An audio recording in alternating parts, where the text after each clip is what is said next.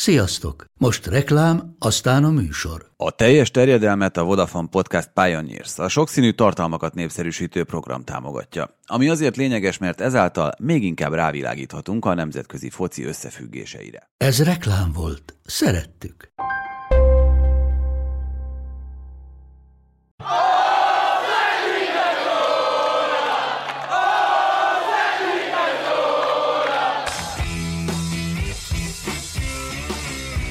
Ez a teljes terjedelem.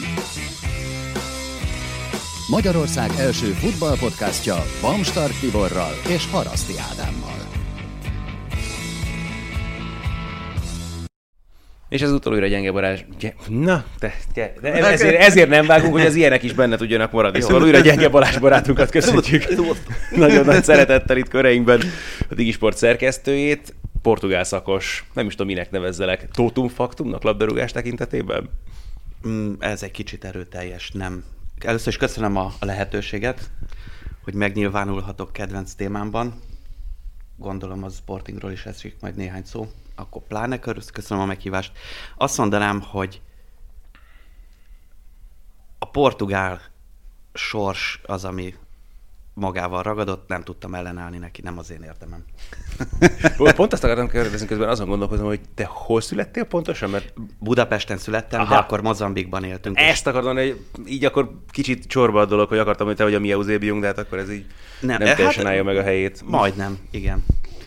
Szóval akik régebb óta hallgatnak, figyelnek minket, azért Balázsral többször találkozhattak már, főleg portugál és nem tudom, milyen, minek, ibériai vonalon ibériai, fogalmazunk Igen, igen. Szoktál, hát, Úgyhogy ez lesz nagyjából a vezérfonal majd a mai adásunkban is. Portugáliával különösen sokat fogunk foglalkozni, nem feltétlenül csak a bajnoksággal, bár ugye ott is volt egy komoly rangadó a hétvégén, hanem egyéb Portugáliával és a portugál focival kapcsolatos dolgokkal is.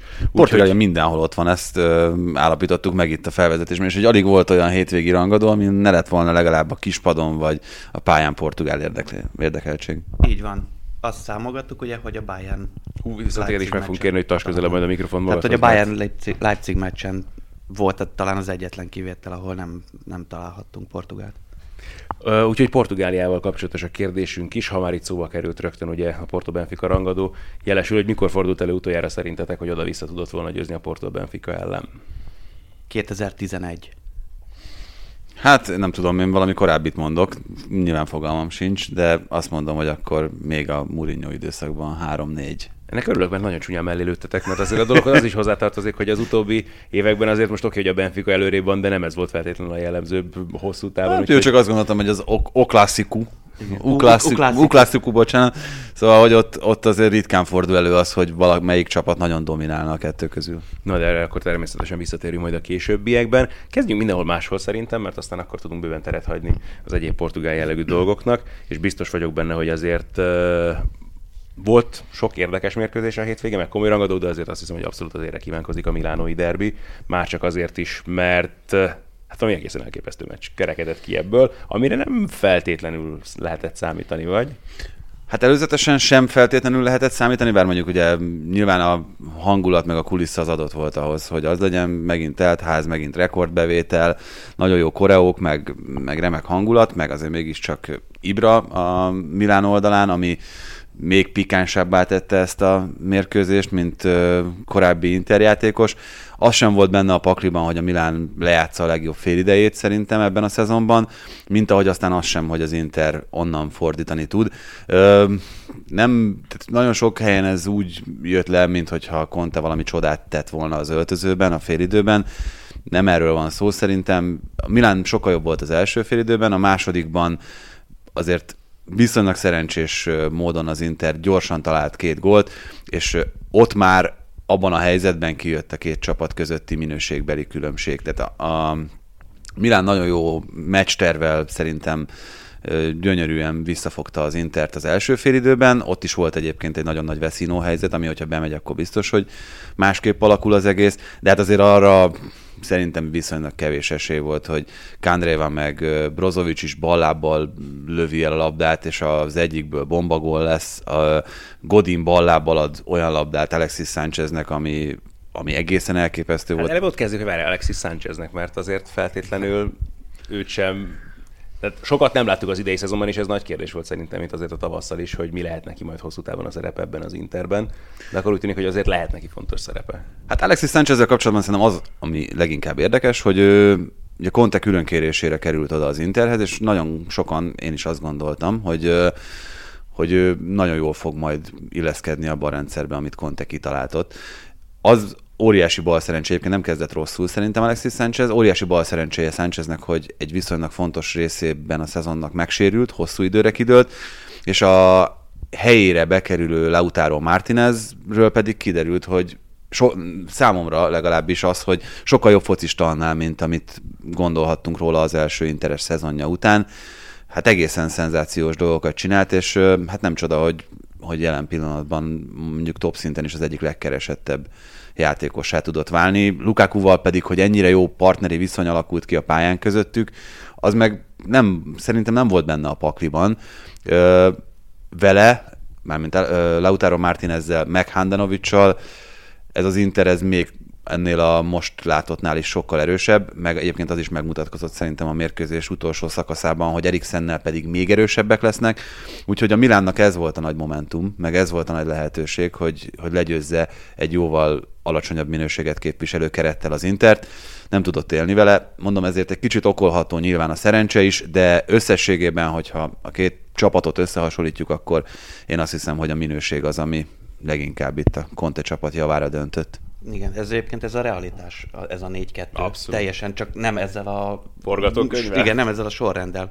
Igen, de szerintem is az volt a kulcs, hogy, hogy a Milán az elején meg tudta lepni az Intert. Egyébként viszont visszakérdeznék, hogy a Lautaro, Lukaku duó az nem Konténak a, valahol a, a, a, az érdeme? Hát dehogy nem, dehogy nem. Hát nyilvánvalóan, hogyha Mert úgy... ennél az Internél évekig, itt az elmúlt években évekig hiányzott egy igazán meghatározó edző. Akkor is voltak jó játékosok, főleg Lautaro szintűek, akikből viszont így kell kihozni a legtöbbet. Ö, igen, tehát ez, ez a Sánchez sérülés is azt hiszem, hogy a kezére játszott, mert nem hiszem, hogy ö, ennyi Már játékpercet... Hát meg Konténak, tehát hogy kicsit kényszerpályán mozgott akkor, amikor össze kellett tennie ezt a duót, mert ö, nem hiszem, hogy ennyi játékpercet kap Lautaro abban az esetben, hogyha Alexis Sanchez mindig elérhető és, és mindig játszhat. Akkor tovább megyek. Játszhat-e Lautaro, Lukaku, Alexis együtt? Hát nem nagyon hiszem, hogy Conte szerint... ilyet sokat fogunk látni. Jó, igen, igen, mert, mert alapvetően megpróbálja azért racionálisan felépíteni csapatot, de szerintem nem teljesen kizárt. Hát várjál, és akkor hova teszed még Eriksen is ezek mellé? Még egy, egy igen, és akkor Eriksen. Még, én talán még egy pöttyet még hátrébb vinném Eriksen. Hát az a különbség egyébként itt ezek között a játékosok között, hogy szerintem a négy felsorolt focista közül Eriksen védekezése a leggyengébb az összes közül. Uh, Eriksennek egészen más erényei, meg érdemei vannak szerintem.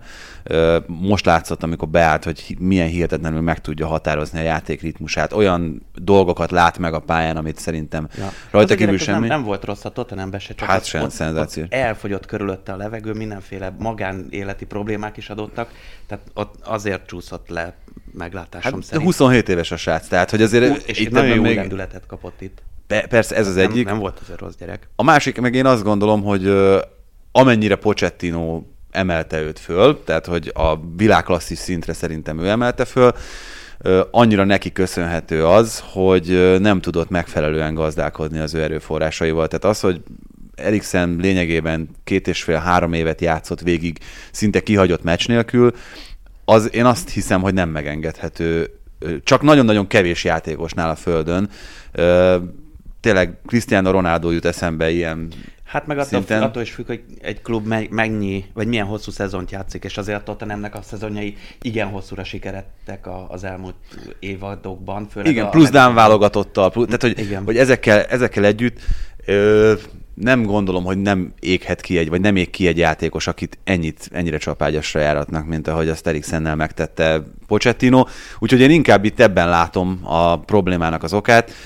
Hogyha Conte megtalálja azt a megfelelő balanszot, hogy, hogy mennyit kell játszatni, mikor kell játszatni, hol kell játszatni, és mondjuk el tudja úgy helyezni a pályán, és még mondjuk azt is ki tudja találni, hogy hogyan tudja úgy beilleszteni az Interbe, hogy mondjuk az ő védekező képességeire ne legyen szükség. Hát ugye konkrétan Eriksen itt most is látszott, hogy kerüli a párharcokat, teljesen okosan, mert hát tök fölösleges neki belemennie olyan párharcba, amit biztosan elveszít. Lukaku és Lautaro ezzel szemben azért szerintem, szerintem hasznosabbá tudja tenni magát védekezésben, különösen Lukakuról mondható ez el.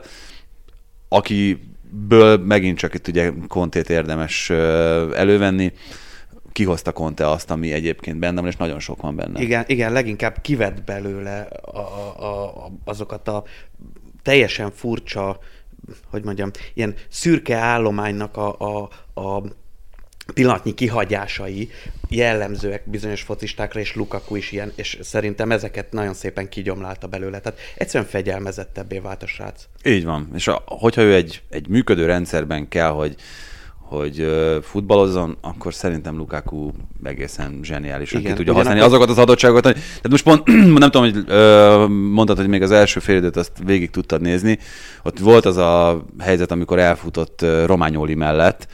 Hát labdával gyorsabb volt, mint Rományoli, és azt érezted Rományoli, hogy én ehhez az emberhez nem megyek oda, mert hát úgyis lepattanok róla, mint a valami gumibábúról, tehát hogy jó, hogy elvileg a Lukaku-nak a Én félnék, hogyha a lukaku így, kéne, így kéne, igen. Párharcot vívni, így igen, van. Tehát inkább akkor én is elfutok a pálya másik végébe, hogyha... Így van, így Viszont van. ennek a győzelemnek azért azt gondolom, hogy nagyon komoly üzenetértéke van az internacionál részéről. Egyrészt, ahogyan sikerült megfordítani amilyen állásból, tényleg amilyen forgatókönyvvel ezt a mérkőzést, másrészt hát ugye úgy léptek pályára, hogy tisztában voltak a Juventus meccsének az eredményével, és ugye ezzel növelték az erőnyüket a bajnokságban, ami nagyon komoly fegyvertény eleve önmagában, és mondom így, ez az egész, ahogy így kinézett, szóval ez nem hordoz túl sok pozitívumot, vagy a Juve drukkerként most nyilván egyébként is nagyon szomorú az ember, de így, hogy ez a meccs mm. így alakult, ez még hát, inkább szerintem. Szerintem azért szomorúnak még nem kell lenni, mm. de, de, de már szerintem megszólaltak a, a vészharangok. Tehát ahhoz azért, képest, hogy azért kell hogy lenni, mert tényleg, tényleg láttunk egy Alexis Sanchez-t jól játszani, láttunk egy Eriksen-t jól beszállni, és azért hosszú távon azért ez még... Jó, jó, egy esliángot a helyén futballozni, tehát ne, ne, ne feledkezzünk meg ezekről igen. az apróságokról sem. Igen, ugye azt nem tudom, tudjátok el, hogy amikor uh, volt a Napoli Juventus elleni mérkőzése, ott ugye Szárinak volt egy elég szerencsétlen nyilatkozata, hogy ha valakitől ki kellett kapni a Juventusnak, akkor kapjon ki a Napolitól, valahogy így hangzik ennek a, ennek a magyar fordítása, ami nagyon kiverte a biztosítékot a Juventus szurkolók nagy részénél, és uh, most már ez a Verona elleni mérkőzés után a második hétvége volt Olaszországban, amikor a Sari, Sari Out hashtag uralta az olasz Igen. Hát sőt, most már azt olvasni, hogy Allegri jön vissza. Hát bizony, mert ugye Allegri még szerződésben van a Juventusszal, és ott ugye az a az alapvetés, hogy az, az igazgatóbizottság volt az, amelyik Szárit szerette volna, Agnelli maga ragaszkodott Allegrihez, és itt az a kérdés, hogy kinek van nagyobb szerszáma, a, a, a csapaton. A Fiat vezérnek, vagy a... Igen. Jó, hát most mondom, hogy az Agnellinek.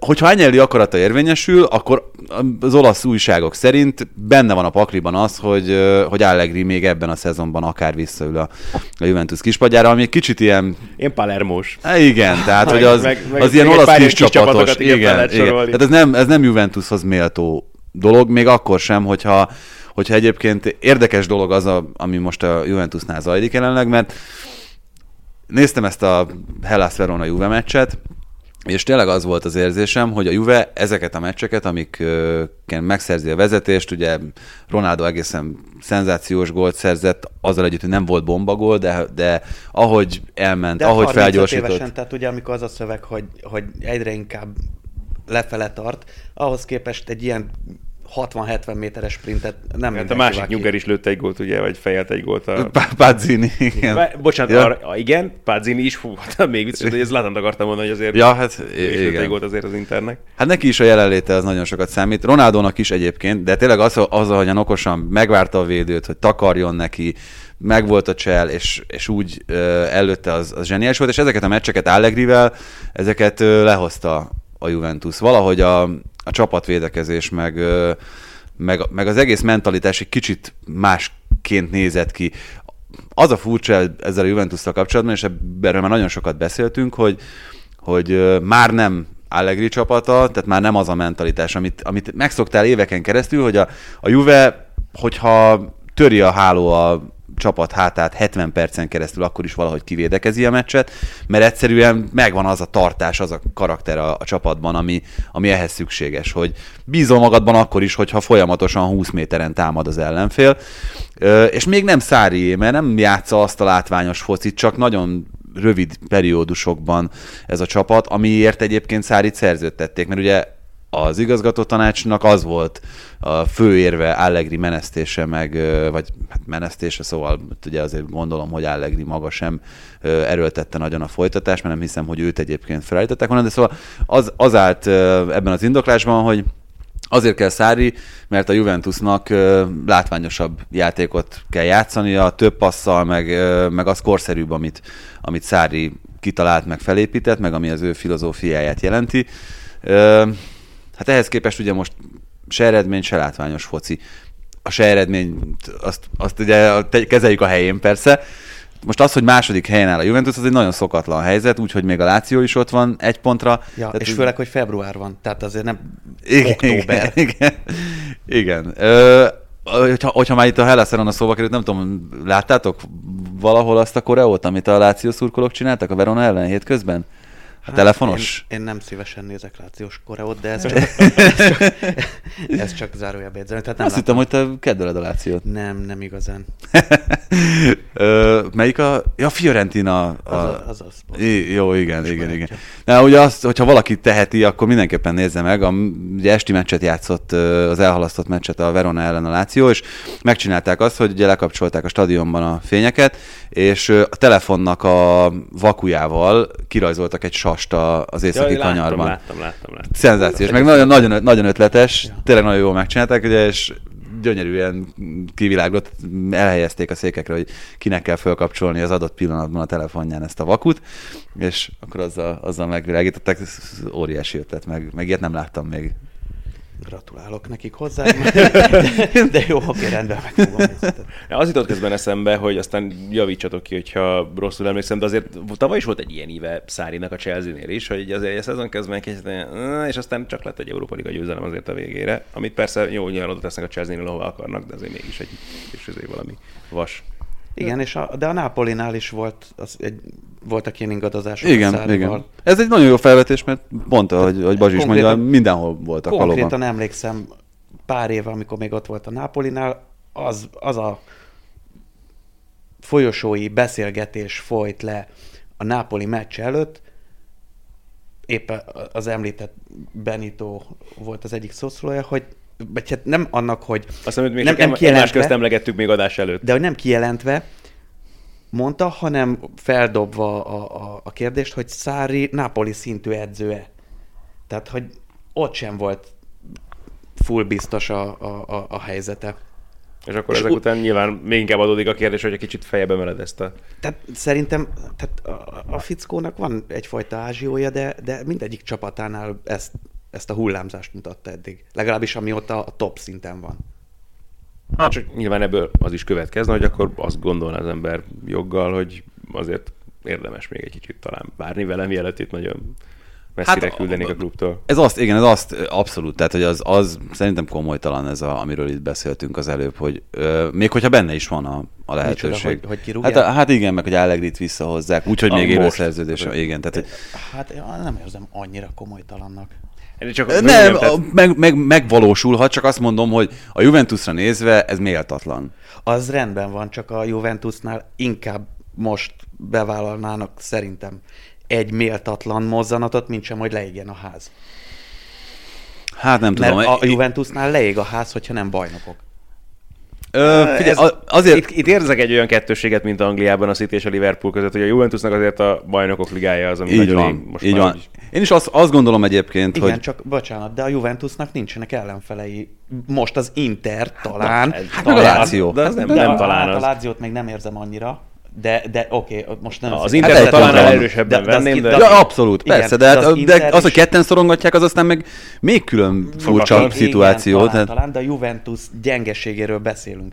Míg Angliában a Liverpool a fejére nőtt a Citynek. Tehát azért az szerintem nem teljesen hasonló szituáció. Igen, de azért, hogyha azt nézzük, hogy a Juventus lehozta ezt a bajnokok ligája csoportkört, oké, okay, az Atletico Madrid sem a legszebb napjait éli jelen pillanatban, de egy Atletivel egy csoportban, hogy öt győzelemmel egy döntetlennel. Igazából Szári munkáját azért vitték, ahogy a Nádi is mondta, mert európai sikert szeretnének elérni, ami egy nagyon furcsa dolog, mert mert Szárinak az egyetlen sikere egy Európa Liga győzelem volt, de az ő munkáját azt mégiscsak a bajnokok ligája fogja beárazni. Tehát ha tényleg most deklaráltan azért vitték oda, mert hogy a csapat azzal fejlődhetne tovább a nyolc bajnoki cím után, hogy Európában is valami komolyat ér hát mondjuk azért a két döntőt vegyük komolynak nyugodtan, 2015-ben és 17-ben, de hogyha most megint addig el tudna menni, akkor nem nagyon érheti kritika Szári munkáját, különösen úgy nem, hogy az Inter a világpénzét elköltötte arra, hogy egyáltalán szintre kerüljön a Juventusszal, meg tehát azért valahol szerintem már csak, csak a lélektanát elemezzük annak, hogy nyolc év után azok a játékosok, akik ezeknek a sikereknek szinte folyamatosan a részesei voltak, lehet, hogy elkényelmesednek az olasz bajnokságban, amit egyébként Szári is kifogásolt most a Verona elleni meccs után, azt mondta a sajtótájékoztatón, hogy az a probléma a Juventusnál, pontosan amit ugye itt az előbb beszéltünk, hogy megszokták ezek a játékosok, hogy az ilyen meccseket megnyerik, és ezért túl kényelmesen álltak oda. Bentancur sarkazgat a saját térfelén, meg... Megjegyzem, a Ronaldo is teljesen ki van, tehát a, a portugál sajtóban elég erőteljesen írnak erről a szituációról, hát ugye egyáltalán, tehát a Ronaldo bármit csinálról komoly terjedelemben mondhatni teljes terjedelemben foglalkoznak, de hogy, hogy valóban ez volt, hogy, hogy idegi helyzetbe kerültek a... Idegállapotban Idegállapotban, ezt a szót kerestem, köszönöm. Idegállapotba kerültek a Juventusnál, és pont ezért, mert hogy, hogy hát név nélkül, de hogy, hogy egyes játékosokra kifejezetten mérgesek. Na most a kérdés az, hogy ki a, a, a vezérűrű, hogy a Ronaldo vagy a Szári. Na most a Ronaldot nem fogják kitenni. Viszont a Szári, hogyha bejutna a BL döntőbe a Juventus, de kikapna, és a bajnokságot sem nyerné meg, van egy komoly fogadásom rá, hogy menesztenék. Ha most megúszná ezt a tavaszt. Hát ez igen, egyik sem tehát tűnik a... még azért teljesen biztosnak, hogy, hogy ez így lesz, de, de, de így van. Hát ez egy érdekes dolog egyébként, tehát hogy ki a vezér, meg hogy hozzá mennyire igazodnak a többiek. De tök jó volt látni azt, például pont itt egyébként a Verona Juventus meccs végén, meg a milánoi derbi végén. Mind a kettőnél mutatták egyiknél Ronaldo levonulását, a másiknál Ibrahimovic levonulását, és mind a kettőnél az volt az érzés az embernek, hogy na ezekhez az emberekhez most nem kell szólni. Tehát egy ilyen vereség után valószínűleg el kell telni egy napnak, ameddig valaki egyetem megmeri szólítani. Ilyenkor menj oda hozzá, hogy hát de majdnem bement az a fejes. Lehet, hogy lekönyököl ott Azon gondol, kezdtem el gondolkozni közben, hogy itt a hétközi spanyol kupa meccsek után a Barca vagy a játékosai közül ki volt az, akivel kapcsolatban esetleg volt ilyen érzés az embernek, vagy akihez úgy szívesen nem ment volna oda az hát ember. Ramos. Mert... Nem? Jó, hát Ramos az. De hogy jó, nyilván tehát egy más téttel, vagy fontossággal bíró mérkőzésekről beszélünk nyilván azért mégiscsak egy kupánál, és főleg Zidánnál volt ez teljesen egyértelmű, tehát ő addig az összes kupa meccsen azért látványosan rotált kezdőcsapatot küldött a pályára, nem olyan hatalmas mértékben, de azért mégis egyértelmű volt, hogy ez nem az egyértelmű A csapat, a kezdve már csak annál is, hogy Areola védett ugye a kupa mérkőzéseken. Főleg ahogyan alakult ez a Real Sociedad elleni meccs, ez azért elég komoly pofon szerintem. Igen, igen, tehát azért a Bernabeu-ban négyet, tök mindegy mennyit lő a, a Real, négyet nem lehet kapni. Tehát az, az egyszerűen bicskanyitogató. Tehát a szurkolók ott a legigényesebbek a földön, ha úgy vesszük. De mondhatjuk úgy, hogy a legtürelmetlenebbek. Tehát a két csapat, a Barca és a Real kiesését, vereségét tekintve szerintem a nagyobb égés mindenképpen a Realé akár, akárhogy is nézzük. És egyébként meg egy baromi jó meccs volt, és tényleg, amit ott nyomtak a végén az utolsó percekben, én egy pillanatig én folyamatosan kérdezgettem a szerkesztőnket, figyelj, de mi lesz, hogyha hosszabbítás? 4-2-nél és meg 4, vagy, tehát egy, igen, benne annyira volt. benne volt. Igen, igen, igen. Ezzel együtt azért azt még, még itt gyorsan megjegyzem, hogy nagyon jó kis spanyol kupa döntő lehet. A, hogyha az ingyenceknek a, a Mirandes Granada. hogy Mirandes. Mirandes. nem, nem, hát természetesen, hogyha a Bilbao Sociedad döntő jön össze. Azért az szép. Mert, szép mert a Sociedad idén egyébként egész egész harapós. Hát és most ugye megint úgy William José most se játszott egy másodpercet sem, És akit úgy, ugye hogy a arról William volt szó, hogy... majdnem elvitte Igen, a, másik José.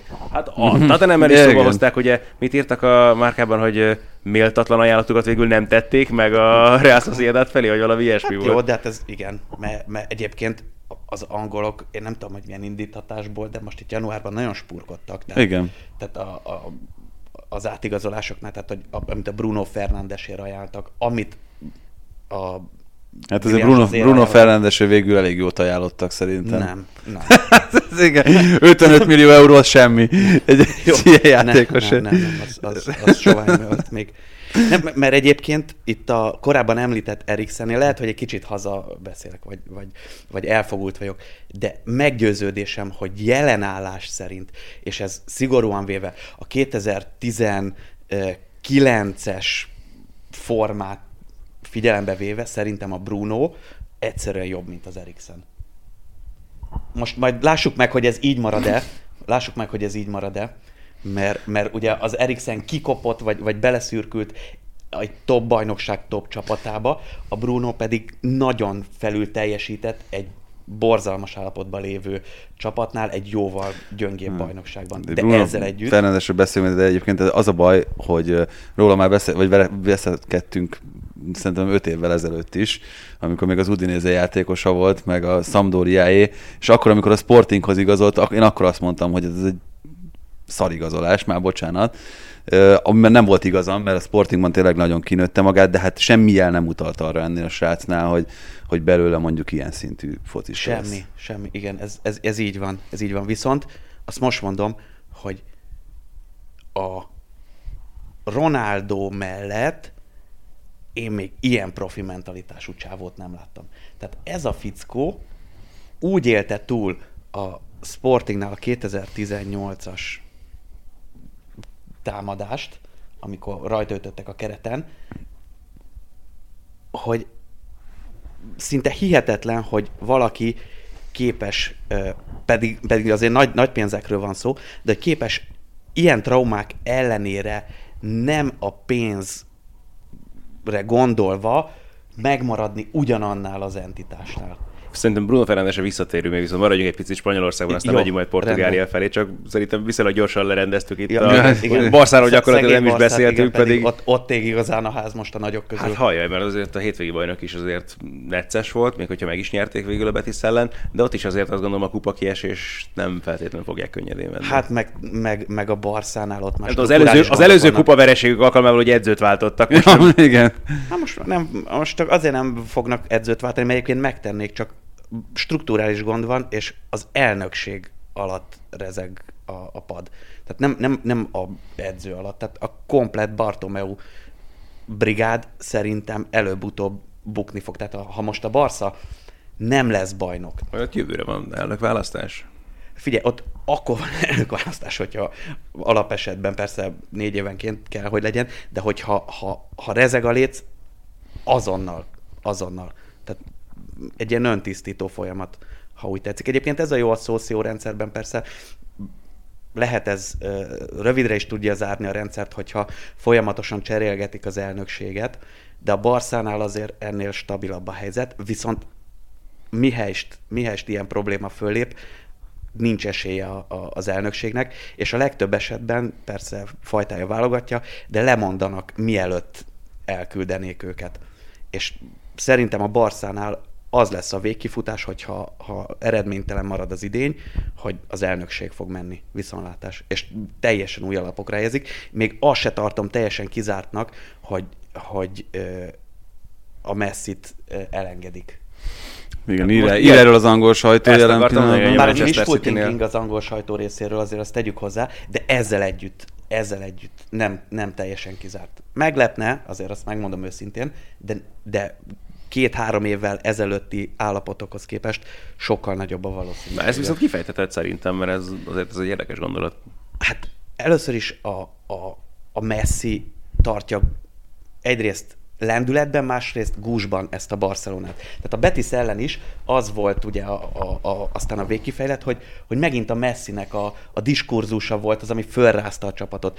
A Messi körül forog minden. Tehát akkor két opció van. Vagy az van, hogy a Messi köré építik a csapatot, ameddig él az a gyerek, és, de akkor kimondják, mert, mert, mert valamiért ezt nem, nem, nem, nem szeretik feltétlen kimondani. Mert ugye a, a struktúrában, a hierarchiában azért bármelyik játékos, akárki, Messi is, a csapat alá kell, hogy legyen rendelve, sőt, tovább még az edző alá rendelt. Az edző azt mondja, hogy ezt csinálod, akkor neked azt kell csinálni, még hogyha te a Messi is vagy, noha már a modern futballban Messi től is, és a, nála jóval kevésbé ö, kiforrott focistáktól is láttunk már feleselést az edzőkkel. De a lényeg, hogy a Messi egyrészt viszi ezt a barszát, másrészt gúzsba köti, mert nem tudnak kibontakozni mellette olyan kaliberű játékosok, de most már évek óta, amik meggyőződésem, hogy még egy Barcelona szintű csapat számára is öm, hátrányt jelent. Tehát gondolok itt Ibrahimovicsra,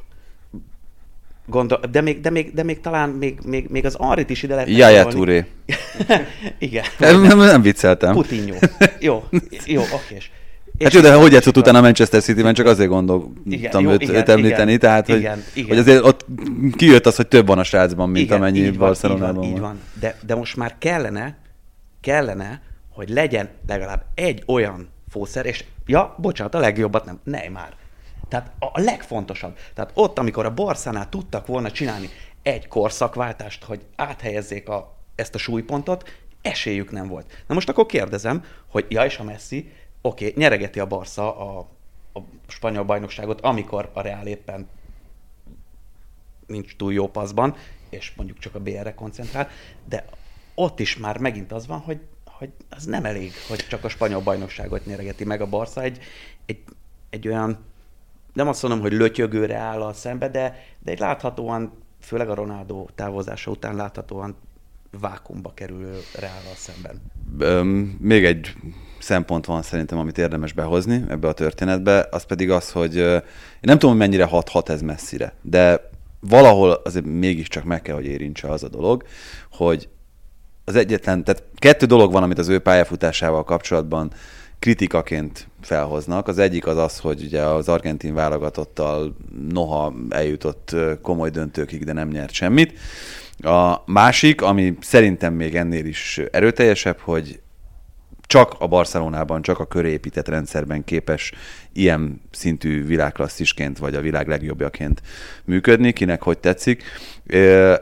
És ugye azok, akik mondjuk itt a két nagy párharcában Ronaldót helyezik előrébb, azok leginkább ezt említik, hogy ő Manchester Unitedben, a Real Madridban és most a Juventusban is tudott olyan számokat produkálni, amik, ha egy még egy korábbi előthöz megyünk vissza, akkor azt soha nem fogja, tehát pályafutása végéig nem fogja tudni lemosni magáról Messi, hogy Diego Maradona, akit ugye a, a féle nagy előttként is említhetünk, ha már argentin vonalon maradunk, egy Fostalicska Nápoliból kétszeres bajnokot és UEFA kupa győztest tudott. Van egy érzésem, hogy Messi ezt nagyjából nem tudom mennyire van meg az a Kylie Minogue Slow című klipet forgatták ott a, a barcelonai uh, úszodában a Monjukon, ami olimpiai helyszín is volt, meg VB.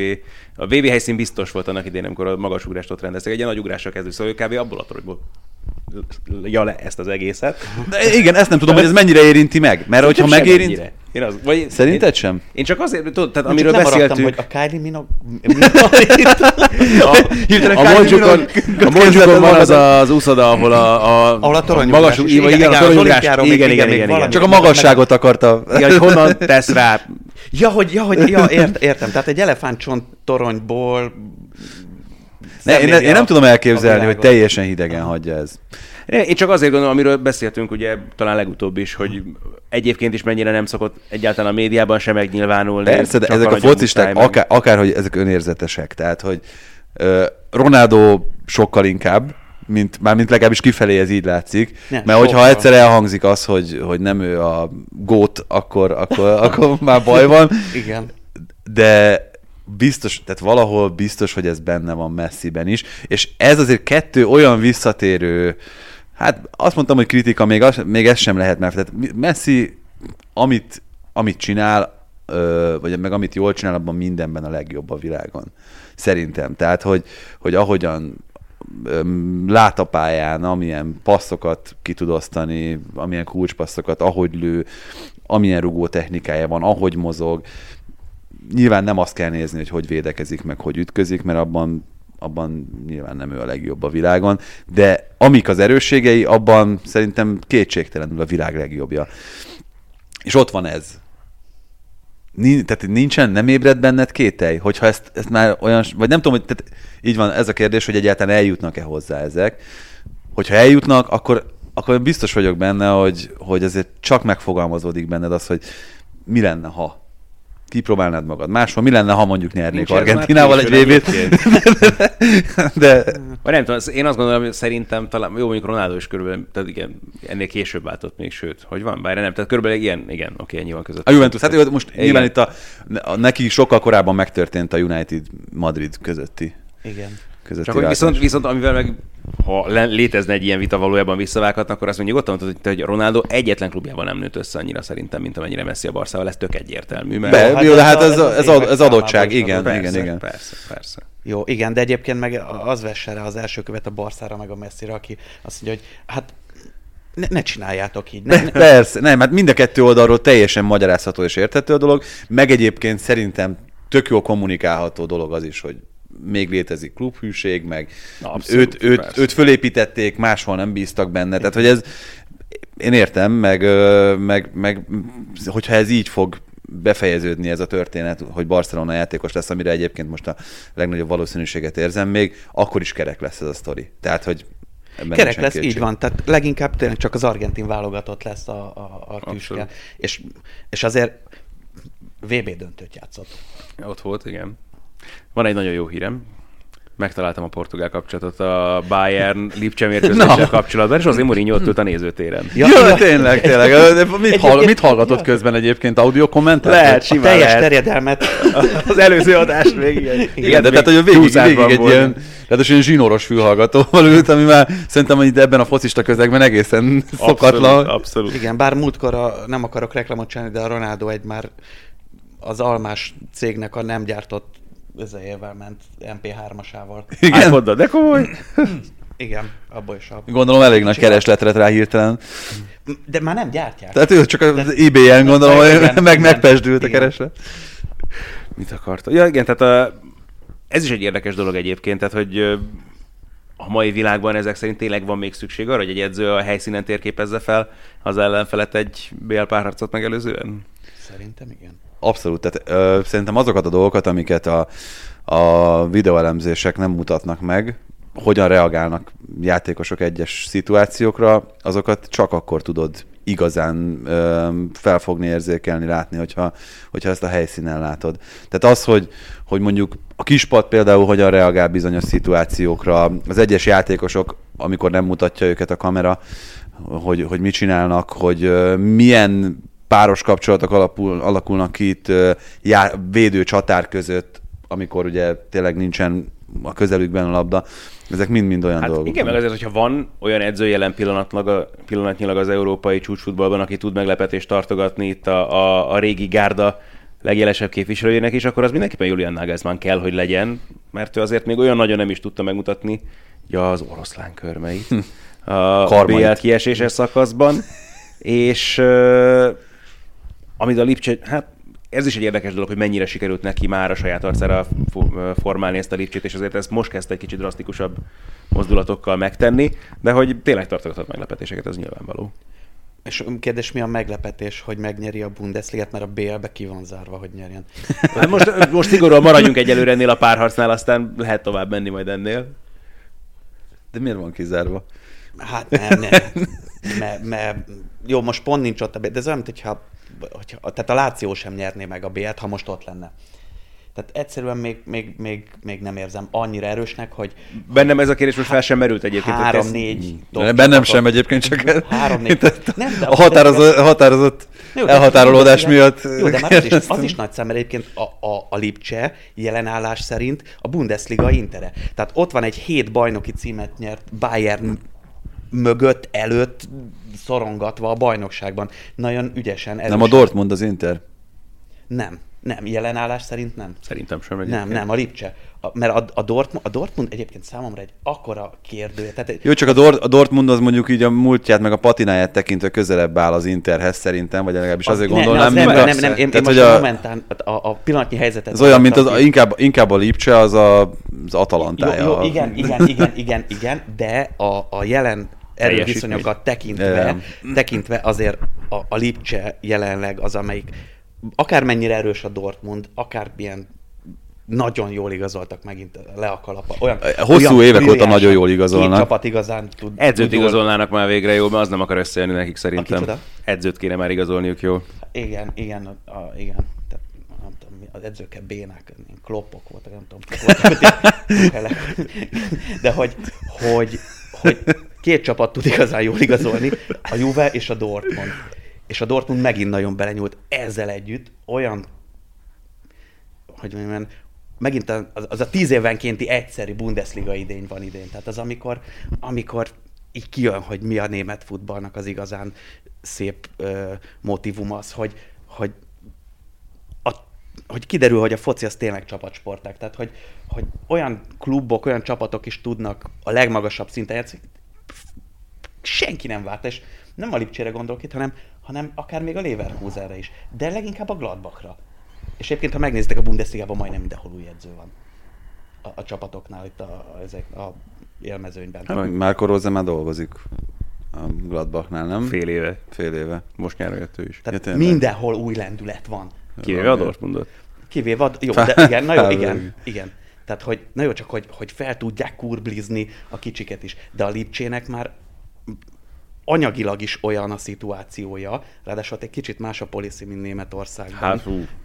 a többi csapatnál, de hogy, és ezért mondom az Inter, tehát a, mint analógiát, hogy jelenleg a, a Lipcse rendelkezik olyan anyagi lehetőségekkel leginkább, jó, és akkor ne vegyük ide Dortmundot, amivel már egy szisztematikusan terv szerint megépített, jól gardírozott csapattal meg Na, lehet ebben- na. Ez a nagyon a érdekes, Bayernt. hogy először látunk viszont tényleg tőlük ilyet, hogy ez a Dani Olmo igazolás volt ilyen, amire azt mondod, hogy valóban ezt megvillantották, akkor ezt az Bizony. anyagi... Azt a csávót én már kinéztem a, a Sportingban, de már akkor rájöttem, hogy esélye sincs, amikor a Ferencvárossal játszott a Igen. az Igen, Zágráb, Dinamo a gyerek, ez annyira kilógott, de annyira. Hát de a BL-ben is egyébként ez így volt Igen. szerintem. Most volt először Mármint, hogy a. BL főtáblán. Igen, és egyébként megjegyzem, majd kíváncsi leszek, hogy most, hogy kivették a Zágrábból, hogy mit fog csinálni a Zágráb, hogy összeomlik-e vagy nem, mert a Zágráb nem tudom, hogy, hogy a látóteretekbe került-e, de az Európa Ligában tavaly ö, oktatott.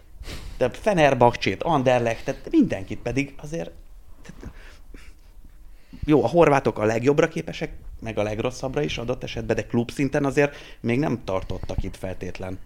Igen, biztos, hogy szintet lépett az Zágráb. Na de maradjunk tényleg akkor ennél a két Bundesliga rangadónál legalább, mert ma végre megtaláltuk a Bayernnél is a portugál vonatkozást, és hát azért annak ellenére, hogy ennek a meccsnek 0-0 lett a vége, azért ez egy nagyon jó kis meccs volt. Nagyon jó volt szerintem is. Hát egyrészt ugye örömteli volt, hogy Gulácsinak volt ez a két nagy védése. Másrészt pedig nyilván a Bayern az a csapat, amit a, amit a legtöbbet tudok figyelni, már amennyire tudom figyelni a Bundesligát, de nem nagyon emlékszem olyan meccsére a Bayernnek, ami mondjuk ilyen rangadó lett volna, és ilyen szinten kihúzták volna a méregfogát.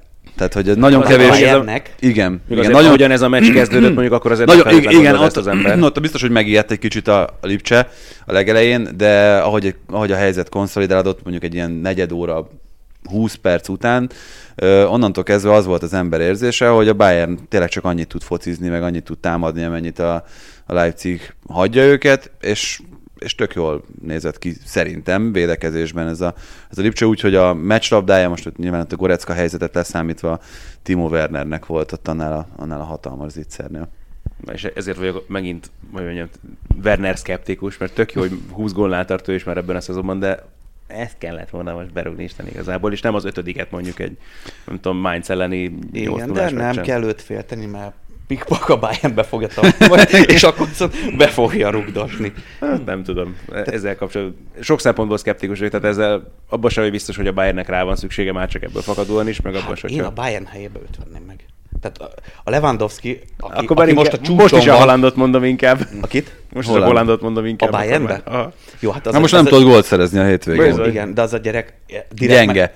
Me, nem, ha direkt, direkt megnéztem, a, a, főleg az első öt gólját, hogy figyeltem, hogy hogy mozog, mint mozog, mert ugye ő, ő példaképként a Ronaldot, a Cristiano Ronaldot említi, és valóban a fizikumát tekintve nagyon Még talán erősebb is nála, igen. Hát jó, hát főleg, hogy ugye ő... Északi. igen, igen, igen.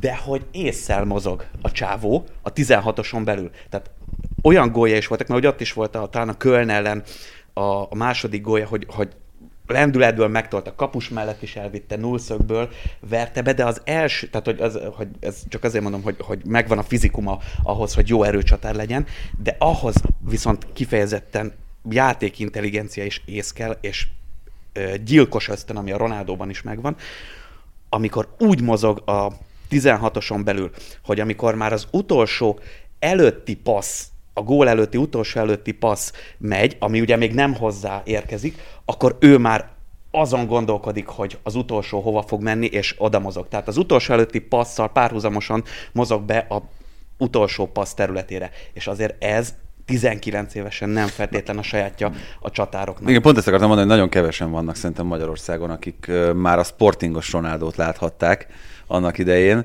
hogy akkor ez mennyire látszott, hogy ő ez lesz, aki ma? Az a, nem látszódott mondjuk, vagy inkább azt mondom, hogy nem volt olyan durva fizikuma, mint van most a Haalandnak. Tehát nem volt gyönge fölépítésű akkor se, de, de alapvetően alapvetően a, a portugál bajnoksághoz volt mérve a fizikuma. Ugyanakkor a Sportingban is szerzett olyan gólt, nem sok gólt szerzett, de szerzett olyan gólt, hogy végigvitte a térfélen, és nem tudták tőle elvenni elsősorban a gyorsasága, illetve az ütem érzéke miatt, mert úgy tudta megtolni a labdát az üres térbe, hogy gyorsabb volt, mint bárki, aki körülötte volt, és ő érte be a saját labdáját előbb.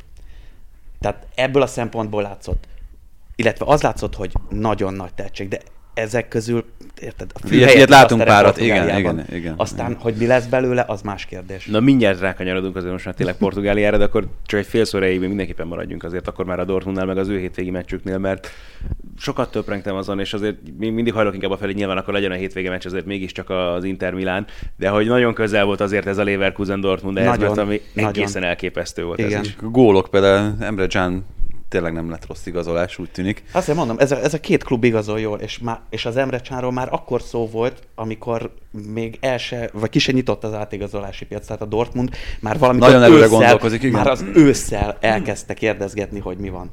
És teljesen igazuk volt. Teljesen. Ezt nagyon jól csinálják, ez teljesen Igen. egyértelmű. Hát a múltkor láttam egy összeállítást, meg nem, föl nem tudom már sorolni a, a, a, az összes játékost, de egy ilyen, azt hiszem 9 játékos, 3x3-as képösszeállítás, hogy ez a X játékos, ez összesen került, nem tudom, most nem akarok nagy számot mondani, hány millió eurójába a, Juventus, a Dortmundnak, és akkor ilyenek voltak, hogy Dembele, a Lewandowski. Lewandowski volt a legdrágább ezek közül, jól emlékszem, ott valami... Dembélé volt a legdrágább, nem? Hát száz- úgy, akiket ő vett. Ja, Amiket ő- akiket ő Igen, az- vásárolt. Ja, értem, összeállítás, értem, ez arról értem. szólt, hogy a Dortmund kiket igazolt piti összegért. És miért adták el őket? És aztán? Igen. igen, De igen. mondjuk Dembélé volt a legnagyobb haszonkulcsa eladott játékos, az biztos. Még a drágán vásárolt Dembélé is. Tehát... Igen, igen, így, így van, és ebbe a képbe, ez a Haaland, ezt most mondom, hogy tökéletesen. Mihály működik. Czark és Hans Joachim Váckel szerintem Igen. mindenképpen ki kell őket emelni, hogy akik ezekért elsősorban felelősek a Dortmundnál. És egyébként az a furcsa uh, itt a Dortmund kapcsán, hogy itt ez a 4-3,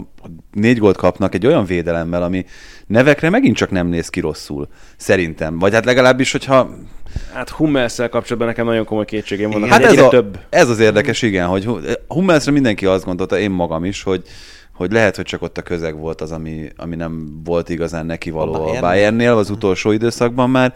Ugye ott mindig lehetett hallani arról, hogy, hogy ő az egyik lázadója a, az öltözőnek, és hogy Dortmundban azért mégiscsak a helyére kerül meg, hogy ott, ott az mennyire jó lesz. Zágádú nekem alapvetően tök tetszik, tehát hogy Abszolút. ő- Rákándzsival se lenne nekem se alapvetően problém, de valahogy mégis. Ja, és vagy nagyon jó kapusaik vannak, szerintem Hitz és Bürki is. Igen. Te, ö, igen, De és akkor nem jó, beszéltünk Akimiról, meg, tehát ez, ez, ez, egy nagyon jó összetételű védelem. meg- megint csak az- És hogyan kaphatnak négy gólt egy Hát de Leverkusen-től? tehát, mondom, tehát egy nagyon Azt csípen hagyják, hát, de Tehát, tehát meg, meg, hogy úgy kaptak ugye ők is négy gólt, hogy, hogy vezettek. Tehát, ott, igen. és ott is volt ugye meg nem adott gól, igen, marozás tehát orva ott, szájba. hogyha, hogyha pragmatikus vagy, akkor oké, okay, két gól sem, puty vissza az tíz emberre védekezni, és előre tolod a halándot, hogy na te maradjál csak ott elő, vagy előre rugdossuk. De, de, és ez a szép a, a Bundesligában, nagyon sokszor ezt tetszik igazán, hogy, hogy nincs, nincs ez a mentalitás túrót. Tehát így megyünk előre, azt játszuk, amit tudunk, és amit szeretünk. Néha ebbe persze bele is dőlnek így a karba, Nem. de hát Menjünk rá akkor a portugál mentalitásra. Megmondom a választ az adás elején feltett kérdésre. 2015-16-ban volt uh. utoljára ilyen, hogy ez összejött a Az a portugál. 11 évet tévedtem, vagy 12-t. Most is messzebbre ment vissza, úgyhogy Ja. ilyen szempontból. Mert nem tudom, hogy mennyire akartál csak minket megtéveszteni, mert mondtad, hogy ez belefutottál figyelj, ebbe a. Beleszóltam abba a, a, a hírbe, mert persze ilyenkor minden hír, hogy a Sergio Conceição-nak először sikerült oda-vissza elverni a Benficát. Hát Ez a harmadik éve a Portónál? Jó, de hát akkor is. Tehát ezek, a, ezek az alap mércék, hogy Jó, hát ebből már cikk lesz nyilván egy. igen, így, így van, U- így van. Ubola, vagy Uzsu. Nem, nem, hát is. rekord. Igen, így van. Bocsánat. Még az a Benfikist azt annyira nem olvasod. Nem, az a, az a Bola a Benfica. Igen? Igen, igen, igen. A rekord a Sporting és az Uzsógó a Porto. De egyébként mind, mind, hármat, a, mind hármat olvasom. Melyik a Sporting? A, a rekord. Rekord, az Igen. teljesen sportingos? Hát úgy sportingos, hogy, hogy, hogy az az arány, ami egyébként van a portugál realitásban, tehát hogy 6, 3, másfél, fél a felosztása a társadalomnak, ez nem érhető tetten a rekordnál, feltétlen, és Mert akkor ezt, innentől ezt kezdve már tisztába, sportingos. hogy a 6-3 az a Benfica Porto. Hat, nem. De Benfica túló. Sporting. Benfica Sporting. Nem, a Porto, a Porto az megtévesztő kívülről, mert a Porto az 80-as évek eleje óta, Pinto da Costa színrelépése óta Papi. Lett, papi színrelépése óta lett Tényező. tényező, de nem is kicsit. Tehát a 80-as évek eleje óta a Porto nyert két Becket, BL-t, két Európa Ligát, két világ kupát, nem is tudom már, hogy hívják már most. Hát már. a Klub VB-nek volt Klub VB, régen, régen a, a, a, Interkontinentális. igen, kupa. interkontinent, igen, tehát régen, régen, amikor még minden szebb és jó volt, akkor, na abból kettő. Tehát, tehát, és, és bajnoki címeket Garmadával, és a legnagyobb lépés az meg, amikor a Mourinho féle Porto ö, szintet lépett. Tehát szerintem az a, az a, a európai, de talán, sőt a világ klubfutballjának az egyik legjelentősebb ö, lépése volt, amikor saját erőből egy, valaki egyszerűen följebb kerül. Tehát nem, nem volt tőkeinjekció, semmi. Tehát egyszerűen sport szakmai sikert ért el a Porto. És ezért tűnik úgy kívülről, hogy akkor a Porto az biztos nagyobb entitás, mint a Sporting. De most mondom, a fele. És, de most ezt viccen kívül. Most- most a népszerűségről beszélünk Ezt viccen kívül mondom. Tehát a hat az a Fika, a bocsánat, a Benfica, a három a, a három a Sporting, másfél körül van a Porto, és akkor a maradék fél az pedig Az a Braga. a, a, a, a több, nem, az a többiek. Hát a Braga sem meghatározó tényező egyébként sem- Portugáliában. Igen, igen, tehát a, a, mondjuk nagy a tömegbázis, de egyébként meglepő, hogy a, a, a leginkább népszerű csapat a három nagy után az az Akadémika. A Coimbrai csapat. Mi, hogy egyetemváros? vagy? Igen, mert igen, igen, és akkor annak van egy ilyen kis ilyen, ilyen, ilyen romantikus aura lengibe, néha kiesnek az, el, az élvonalból, néha Muzsák nem. János is megfordult ott annak idején, ugye? Tehát az egy, az egy, az egy Ja, hát meg bocsánat, André Vilás Boás is ott. Igen, igen, igen, igen. Ja. Milyen Na, volt ez tehát a... a lényeg, a lényeg, a lényeg hogy, hogy a rekord, egyébként még visszatérve, ott annyira sportingos, csak hogy nem 6-3 az arány, hanem mondjuk, mondjuk, mondjuk 5-4. 5-5. Tehát azért ott is nem lehetne úgy eladni egy sajtóorgánumot Portugáliában, hogy, hogy azt mondja, na jó, a Benficát akkor most mi második, második plánba utaljuk, tehát akkor tönkre menne. Tehát szüksége van mindenkinek a benfikista. Jó, az, Szóval az, az ezekre. tényleg egyébként egészen elképesztő az a Benfica őrület, ami, ami Portugáliában Nem, van. az Ha a, valaki legnagyobb, járt az, már a- ott. az, a- tehát, az a legnagyobb az egész világon, az arányait tekintve. Mm. De ez meg megint csak hozzá kell tenni, amivel nyilván nem szembesül a, egy olyan ember se, aki mondjuk tényleg az utóbbi 30 évben figyelte az európai labdarúgást, hogy pontosan az a, a Gutmann időszak, az, amikor ugye egyáltalán a bajnokcsapatok Európa kupája, mint olyan így megalapozta a saját maga valódi hírnevét, hogy ők akkor voltak meghatározó tényező, és tudtak döntőket Igen, nyerni. igen, hát meg, meg igen, meg hát meg a nagy Reál, ugye a Real Madrid, amelyik, amelyik amikor elindult az európai ö, klubfutball közös ö, szénája, akkor, akkor, akkor a Real Madrid volt az Atya Úristen. És ezt a Real Madridot először a Benfica taszította le a trónról, és ez, ez, ezzel beáraszta saját magát. És onnantól kell, és akkor ugye jött a Gutmanátok, tehát, de tök mindegy, tehát a Benficának van fundamentuma arra, hogy európai nagycsapatként tekintsen magára. És ennél a fundamentumnál, mert ugye az évek azért elmentek fölötte, azért maradhatott meg, mert a tömegbázisa eszelősen nagy. Különben már elsorvat volna. De hogy tudott ekkora tömegbázis maradni egyébként? Szám- Számomra az, meg az, az, hogy világszerte, hogy tudod, úgy, hogy ö, igazából azért ezek az Európa Liga döntők a közelmúltban is összejöttek, meg Világszerte azért nincsen. Maximum lehet, hogy ott nem tudom, ilyen dél-amerikai diaszpora óvatosan, mert igen, igen, meg az afrikai, mert úgy néz ki, hogy Portugáliában a is nagyjából igaz, majdnem 11 millió, még nincsenek 11 millió, tehát mondjuk vegyük 10, mint Magyarországot, abból 6 plusz Benfica szurkoló, viszont több mint 40 millió szurkolójuk van világszerte. És ebből csak 6 a portugáliai. Na, ez tehát, már jobban Tehát érdekel. azért az így húzós. Tehát az, hogy Brazíliában a Flamengo után a második legnépszerűbb, azért az húzós. Na, ez, ez nem Ez volt húzós. meg. Igen. És akkor mondom, és akkor a, a diaszpóra az Ezt már hallottam egy párszor. végig szalad a világon. Mert az arány, mert az arány Afrikában is ugyanaz. Tehát ott, sőt, ott még durvább. Ott még durvább. Főleg azért, mert a sportingot a, a diktatúra évek alatt tartották a, a, a, a rendszer csapatának. Tehát a volt gyarmatokon, sőt, az akkor még gyarmatokon, mert Afrikából ezek az országok a függetlenségüket csak a 70-es évek közepe vége felé vívták ki. Hát ott az ellenállás egyértelműen az volt, hogy mindenki a Benficát támogatja. te, volt, sor. te voltál Benficás döntőn? Valamelyik? Nem. Mert én ugye Bazsival akkor beszéltem nagyon sokat a Benficáról, amikor a, A Chelsea. Benfica chelsea voltam, és ott is egyébként tényleg egészen hihetetlen volt, hogy, hogy egy jó, nyilván a Chelsea azért mondjuk pont így európai szinten nem tartozik a legnépszerűbb klubok közé, de, de hogy ott a Benfica milyen túlsúlyban volt szurkolók tekintetében Amsterdamban, az valami hihetetlen volt. Meg hát egyébként, hogy, hogy nagyon, nagyon más volt, mert el, el- elmentünk abba az irányba, ahol a Benfica szurkolók készülöttek, ugye nekik is volt egy ilyen saját szurkolói zónájuk, meg a Chelsea szurkolók, más volt egy kicsit a hangulat. Igen, ezt, ezt talán írom így látatlanba is, mert... Hát meg mert, ahogy, mert ahogy szurkolnak egyébként a. Benfica szurkolók, az, az egészen zseniális.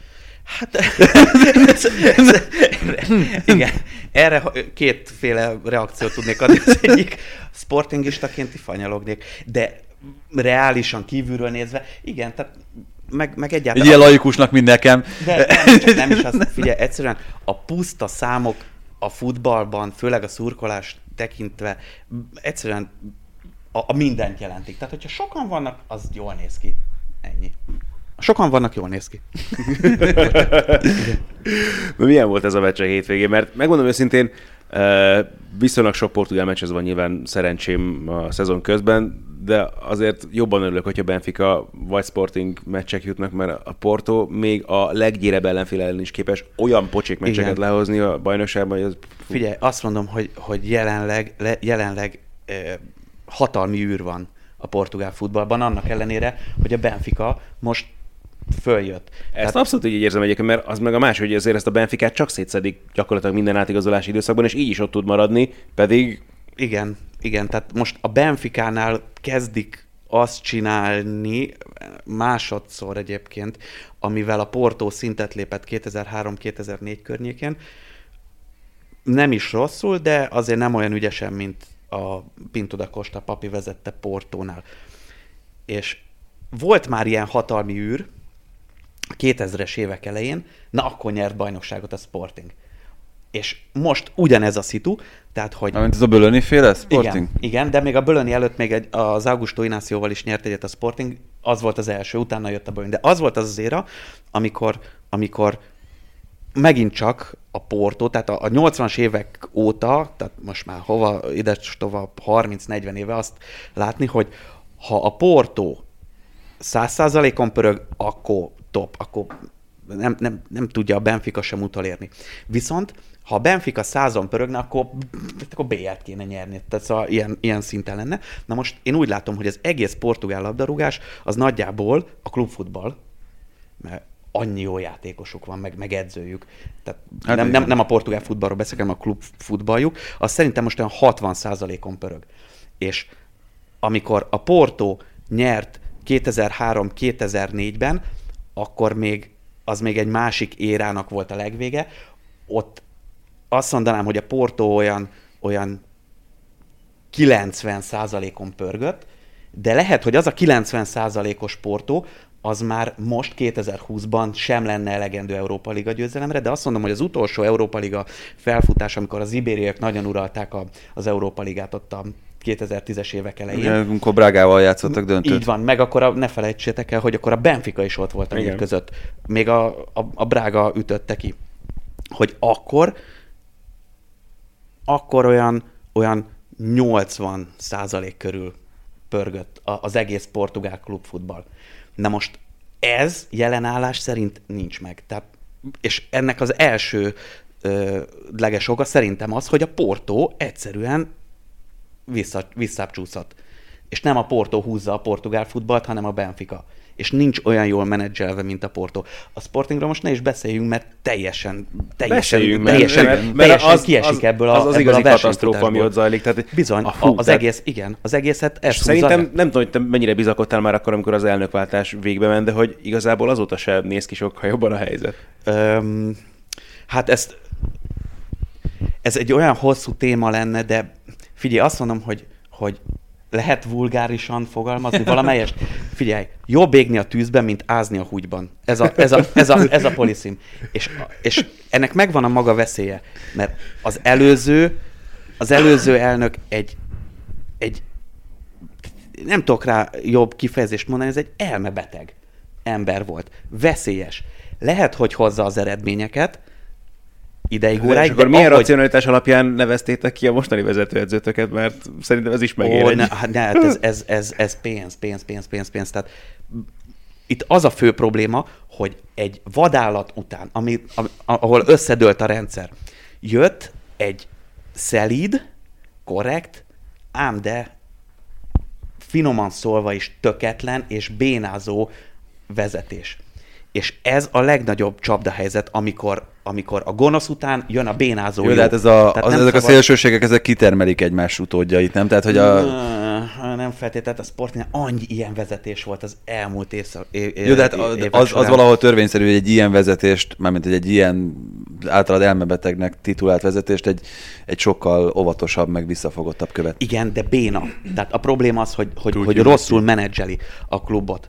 Tehát, és meggyőződésem, hogy nem fogja kihúzni a, az idei évet. Tehát két, szerintem a nyáron, legkésőbb a nyáron el fogják küldeni.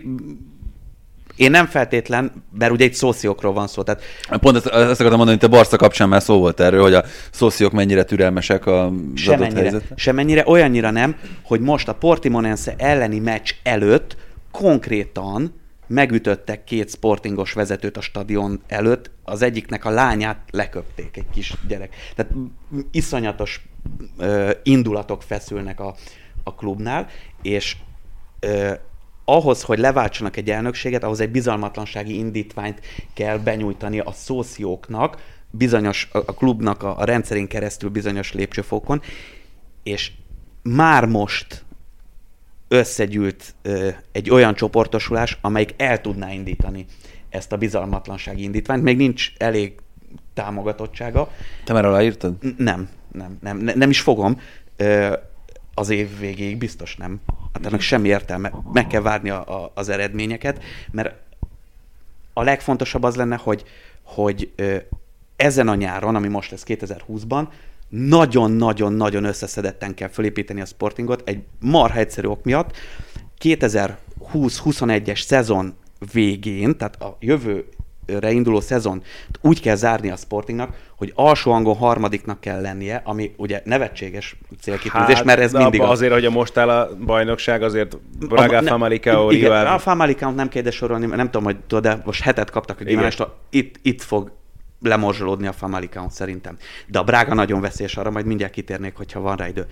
De a lényeg, és ez nagyon fontos, hogy a következő évadot már, már egy szinttel följebb kell megtervezni, mint a Braga, és lehetőleg a második helyet minimum be kéne lőni, de a harmadik az kötelező, annál lejjebb nem lehet menni, mert a portugálok visszakapják a három, ö, BL tag, három. BL helyüket. Tehát a Sportingnak ebben a helyzetben, hogy egy ilyen támadást követően kiröppent az én számításom szerint, mert, mert én persze elfogult vagyok, de akkor is három kötőjel 400 millió euró, így, és nem beszélve a, a, a, a járulékos károkról, egy ilyen helyzetben a Sportingnak a BL-ben kell lennie. A csoportmeccseken mindenképpen és azt mondom, hogy még, még ott is az lenne a fontos, hogy decens módon szerepeljen. Tehát ne az legyen, hogy hat vereség viszonlátás. Jó, Tehát, csak erre, erre akartam mondani, hogy van egy edzőtök, aki megbukott a Belenenszesnél, nincsenek meg a megfelelő papírjai. igen, i- de ne aggódj, Ruben Amorimnak sincsenek meg, meg, tehát a portugál edzőket nem, nem feltétlenül a papírok miatt kell De mit keres ott az az ember? azt keresi ott, hogy nincs pénz többre. Tehát ez ilyen egyszerű. Ez ilyen egyszerű. A Sporting megkereste a Mourinho-t is, amikor, amikor ö, edzőt keresett. Mi volt a válasz? Hogy ő nem jön az őrültek klubjába. E- Ez Portugáliában egy ilyen általános beszédtéma lett, hogy az őrültek klubja. És tökre igaza van a, a Mourinho-nak. Mert egyébként a, azért van akkor a költségvetése a Sportingnak a legborzalmasabb helyzetben is, hogy egy edzőt a mai elszállt fizetések ellenére is meg tudjon fizetni. Top edzőről beszélünk. És jelenleg azt néztem, hogy a top portugál edzők közül, mert én egyébként nem vagyok híve annak, hogy külföldi edző jöjjön a Sportinghoz, mert annyi jó portugál van, akik főleg a, a, a, az utánpótlást ismerik, és Hát ez tudják, hogy hogy kell hozzányúlni. ezt tökéletesen így van, alá. így van. És jelenleg két olyan edző is szabad, akik egyrészt voltak a Sporting, nem mind a kettő, Marco Silva és a Leonardo Jardim.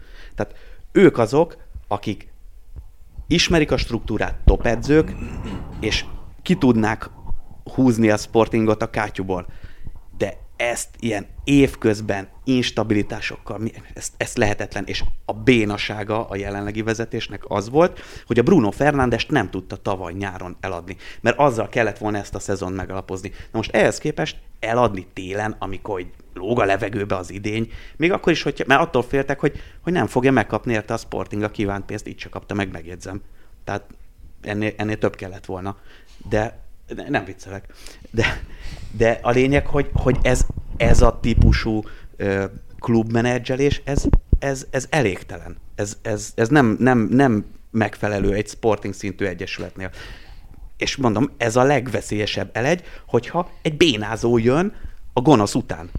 Na beszélj még valamiről viszont Portugáliában mindenképpen, mert egy pár dologgal még így készülgettünk volna, de szerintem ami a legérdekesebb a portugál bajnoksággal kapcsolatban, az nyilvánvalóan mindig az, hogy kik lehetnek azok az emberek, akiket jelen pillanatban próbálnak onnan elhappolni a közepesebb és nagyobb ö, európai klubok, mert azért bőven lehet neveket sorolni, és például elég, hogyha csak a Benficának a kezdőcsapatára ránézünk, hogy gyakorlatilag Adel Tarap, meg én azt mondom Vlachodivos kivételével jóformán mindenki ebbe a kategóriába sorolható. Igen, igen, és ez a Lázsnak köszönhető. Tehát az a, Gyakorlatilag akkor, amikor őt egy bő évvel ezelőtt kinevezték, tulajdonképpen az történt, hogy felhozta a tartalék csapat felét, és azóta ők igen, játszanak. Igen, igen. Tehát Vinicius- Igen, meg jó, de a Vinicius, Vinicius várja, mert a Vinicius ugye ő, ő a Rio Ave-ban volt. Uh-huh. Azt hittem, hogy csak kölcsönben volt. Vagy... Ö, igen, Meg de a Real hogy... Madridban is. Ja, igen, igen, Az igen. nem az, igen. De a lényeg, hogy a Benficánál egy olyan négy-öt éve egy komoly ö, tőkeinjekciót toltak a saját akadémiájuk fejlesztésébe. Hát azt hiszem meg háromszorozták, tehát kb. ilyen mértékekbe kell gondolkodni, és úgy kell gondolkodni, hogy a Sporting Akadémiája, amelyik ugye világ híres két aranylabdást is kinevelt, méreteit tekintve megint csak a 6-3 arányba kell nézni. Tehát azok a gyerekek, akik a Szejsálban van ez a Benfica Akadémia, akik a Szejsálba akarnak menni, azoknak a száma, azt ez fölülírja az összes többi akadémiát, de az összeset. Tehát nem csak a sportingét, hanem az összeset. Tehát ebből mazsolázgatni kellemes feladat, viszont jól kell mazsolázni, és ez a láz. Mert ez az, ami elmaradt ez a a korábbiakban. e- le a kalappal ezelőtt a csávó előtt, nem szívesen mondom ezt ki, de akkor is, de meg kell tisztelni az ellenfelet, hiszen nélküle senki vagy, tehát őt kell legyőzni ahhoz, hogy valakivé válja, és ez a csávó ez bizony, bizony jól csinálja. És most mondom, hogy vannak még olyan nevek, akiket elő se húzott. A És már így is 18-9 Kalapból. éves kölykök játszanak a bizony, csapatban. Tehát bizony, és van egy sanda gyanom, hogy azért nem nagyon húzogatjám az összeset elő, ne kerüljenek még a... mert jelen állás szerint, jelen állás szerint ugye nem, a, nem egymást a, a három nagy nem egymást tartja mexikói felállásban sakban, hanem a legnagyobb félelmet a külföldi uh-huh. cápák jelentik. Tehát a, amikor a Manchester City odajön, és így azt mondja a 10x éves gyereknek, hogy figyelj, kérsz 5 milliót? Na jó, 5 nem, de mondjuk kérsz 2 millió eurót? Vagy fontban valamennyi. Mm. És akkor hát így mit, mit mondjon egy, egy, egy tínézser? 150, 150 ezer eurós keresetre, mert Igen. körülbelül ilyenről Igen. beszélünk, gondolom.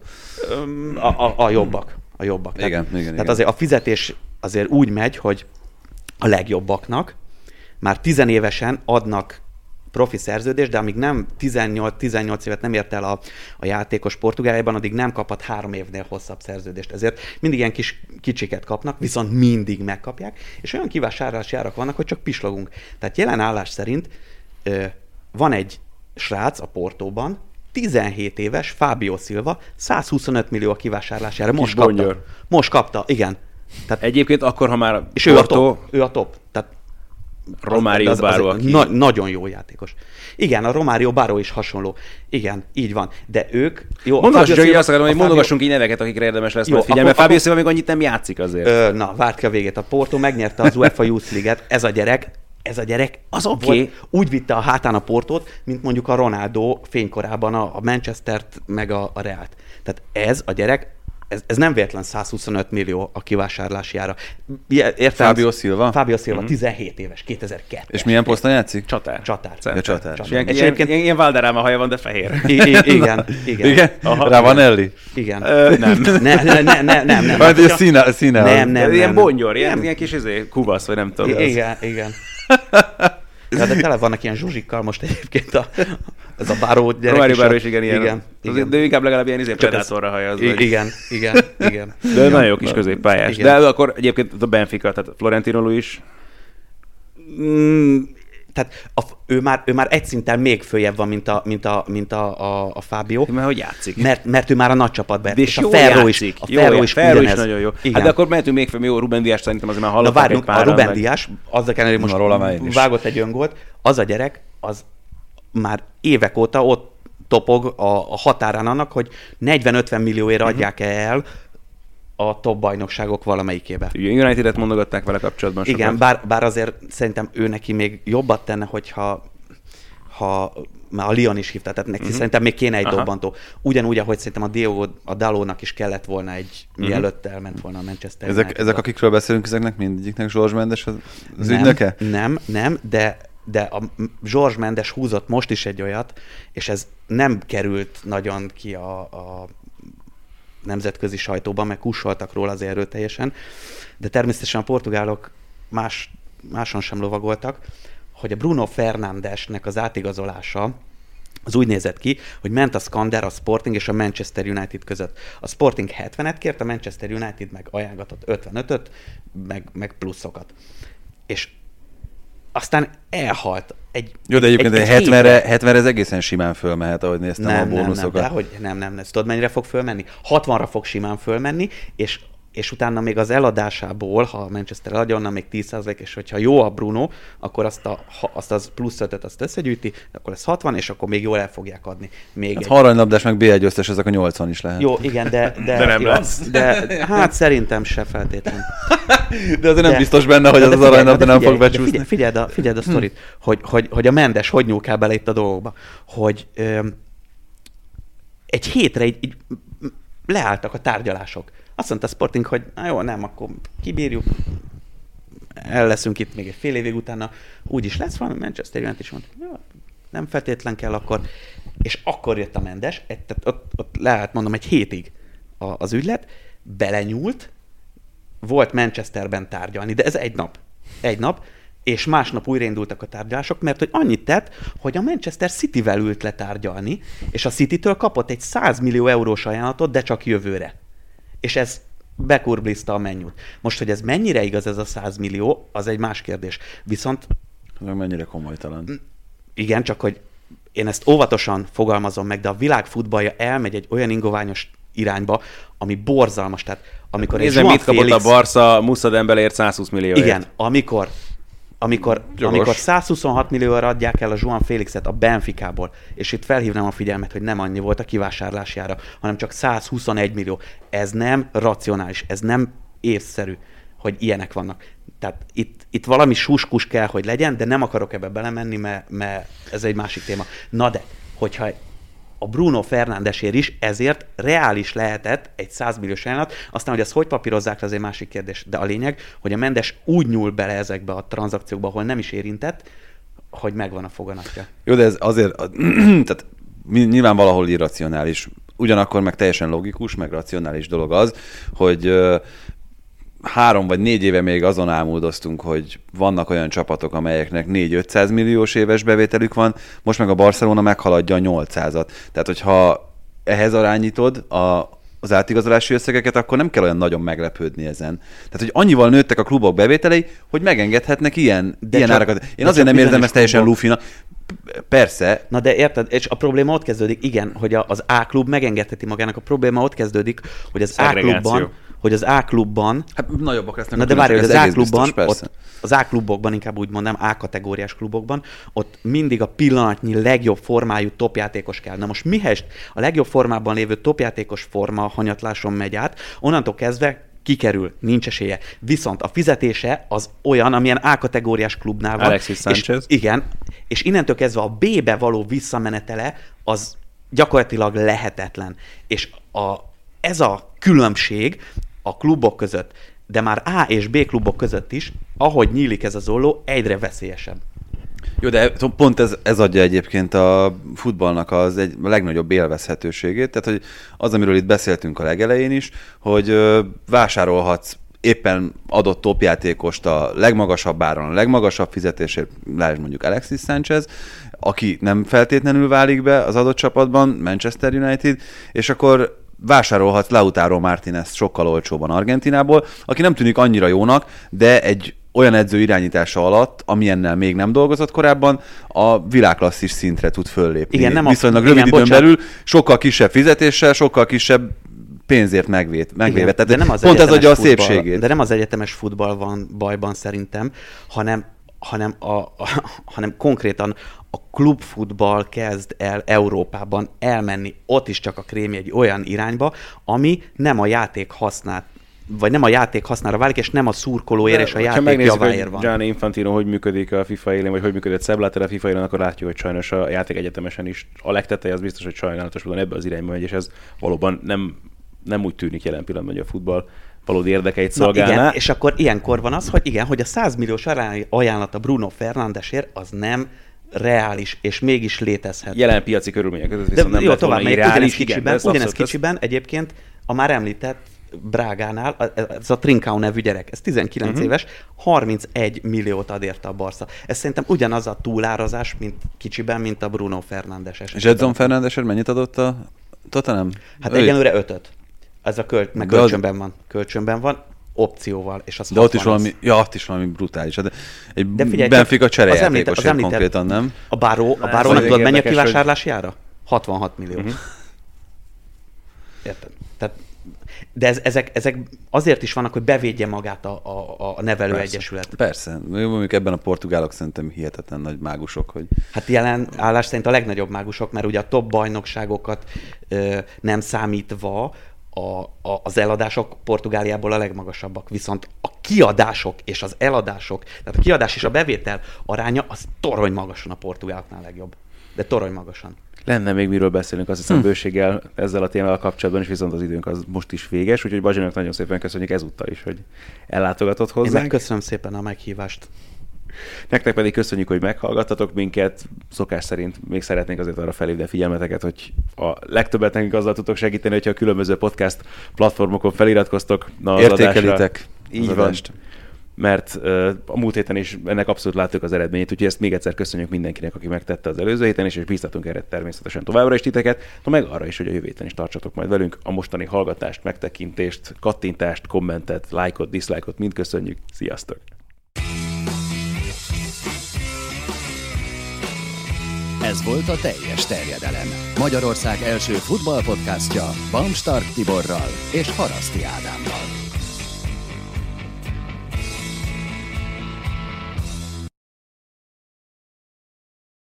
Ez a műsor a Béton közösség tagja.